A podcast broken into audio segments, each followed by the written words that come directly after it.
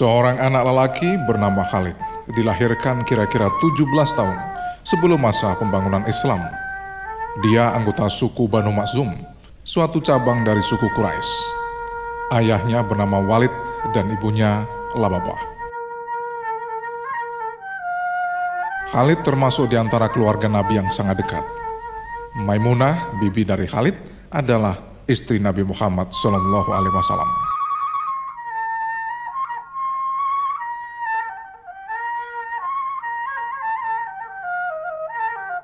Ayah Khalid yang bernama Walid adalah salah satu pemimpin yang paling berkuasa di antara orang-orang Quraisy. Dia sangat kaya dan menghormati Ka'bah dengan perasaan mendalam. Sekali dua tahun, dialah yang menyediakan kain penutup Ka'bah. Pada masa ibadah haji, dia memberi makan dengan cuma-cuma bagi semua orang yang datang berkumpul di Mina. Nabi Muhammad SAW mengharap agar Walid masuk Islam. Harapan ini timbul karena Walid seorang kesatria yang berani di mata rakyat. Karena itu dia dikagumi dan dihormati oleh banyak orang. Jadi jika dia masuk Islam, maka ratusan orang akan mengikutinya.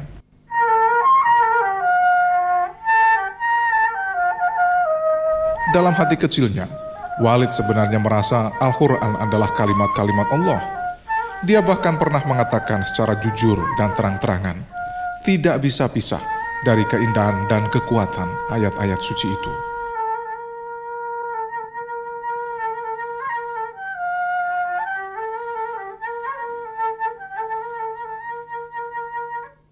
Ucapan yang terus terang itu memberikan harapan bagi Nabi bahwa Walid akan segera masuk Islam.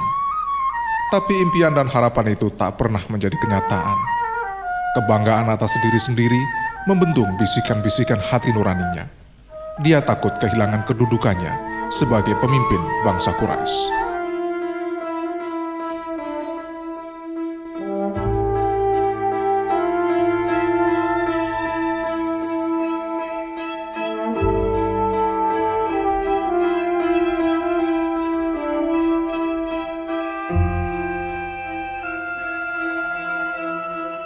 Sejak remaja, Khalid didorong keluarganya untuk menjadi orang yang terpandang di mata rakyat, serta mendapatkan kedudukan terhormat seperti ayah dan paman-pamannya.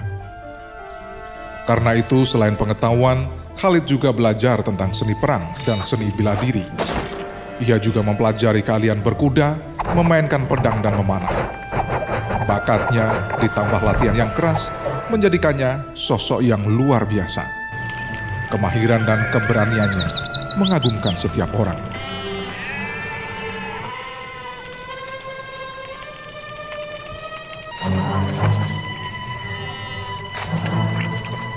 Kekalahan kaum Quraisy dalam perang Badar membuat mereka menjadi seperti orang gila karena penyesalan dan panas hati. Mereka merasa sangat terhina. Orang-orang Quraisy seolah tak bisa lagi mengangkat dirinya dari lumpur kehinaan dan kenistaan.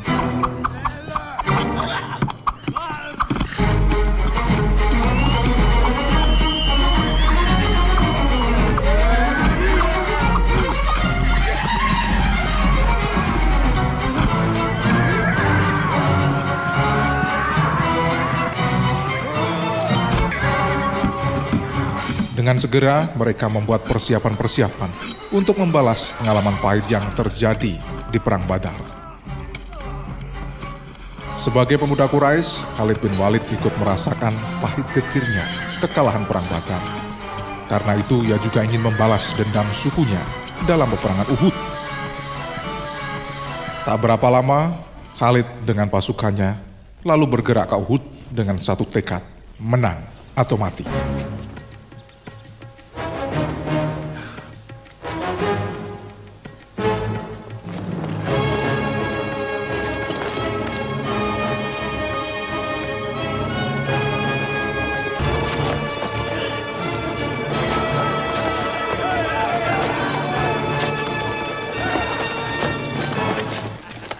Sungguh pun kedudukan pertahanan tentara muslimin saat itu sudah cukup baik, tapi di benak Nabi Muhammad SAW masih ada kekhawatiran. Di Bukit Uhud masih ada satu tanah genting. di mana tentara Quraisy dapat menyerbu masuk pertahanan Islam. Untuk menjaga posisi rawan itu, Nabi lalu menempatkan 50 orang pemanah terbaik dan memerintahkan mereka agar bertahan mati-matian.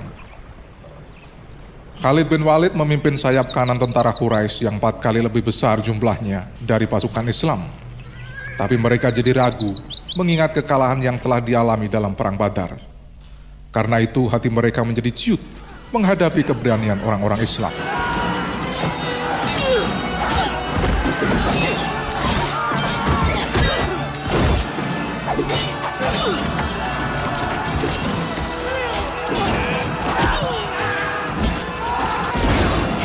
Akhirnya peperangan tak dapat ditahan.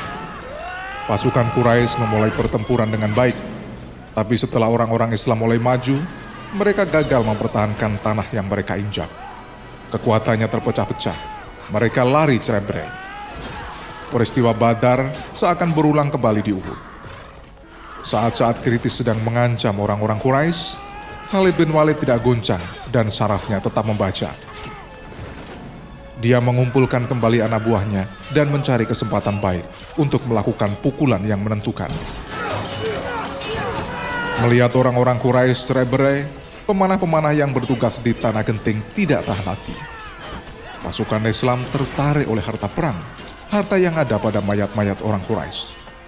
Tanpa pikir panjang, sebagian besar pemanah penjaga Tanah Genting meninggalkan posnya dan menyerbu ke lapangan pertahanan Tanah Genting akhirnya menjadi kosong.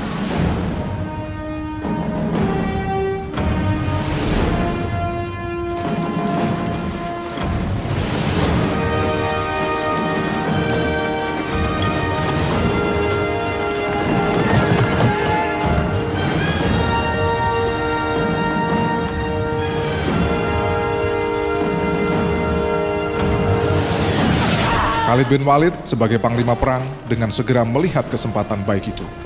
Dia menyerbu ke Tanah Genting dan mendesak masuk. Tanah Genting dikuasai oleh pasukan Khalid dan mereka menjadi leluasa menggempur pasukan Islam dari belakang. Khalid bin Walid telah merubah kemenangan orang Islam di Uhud menjadi suatu kehancuran. Mestinya orang-orang Quraisy yang kalah dan cerai berai. Tapi karena gemilangnya taktik perang Khalid, kekalahan telah disulapnya menjadi suatu kemenangan. Seni perangnya yang luar biasa itulah yang mengungkapkan kekalahan Uhud menjadi suatu kemenangan bagi orang Quraisy.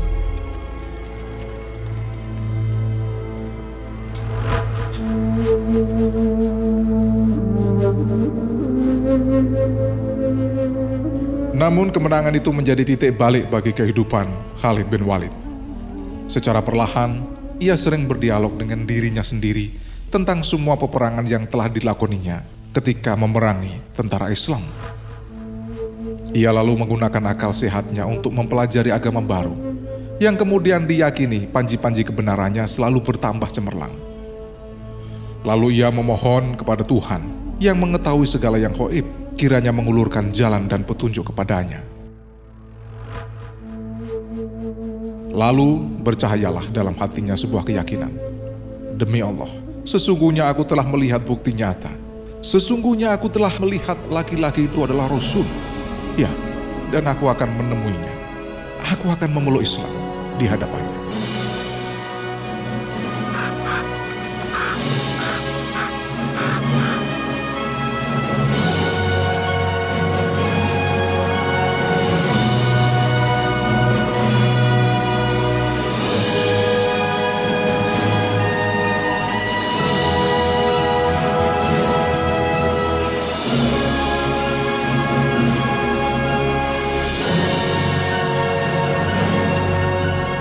Ketika Khalid bin Walid memeluk Islam, Rasulullah sangat bahagia karena Khalid mempunyai kemampuan berperang yang dapat digunakan untuk membela Islam dan meninggikan kalimatullah dengan perjuangan jihad.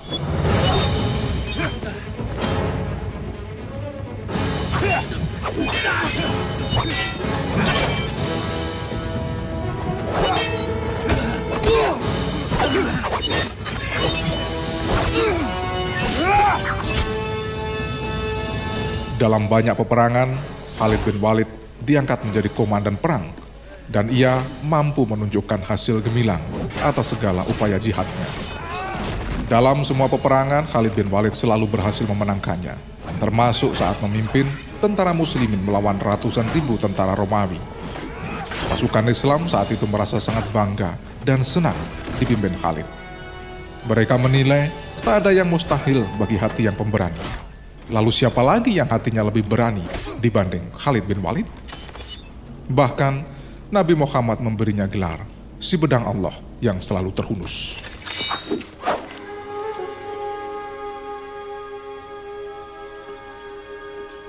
Betapapun hebatnya Khalid bin Walid di dalam medan pertempuran. Dengan berbagai luka yang menyayat badannya, namun beliau akhirnya wafat di atas ranjang. Sejatinya Khalid sangat berharap bisa meninggal syahid di medan perang. Ternyata keinginan itu tak pernah tercapai. Dan Allah mengedakinya wafat di atas tempat tidur sesudah perjuangan membela Islam yang luar biasa. Demikianlah kekuasaan Allah manusia berasal dari Allah dan akan kembali pulang kepadanya.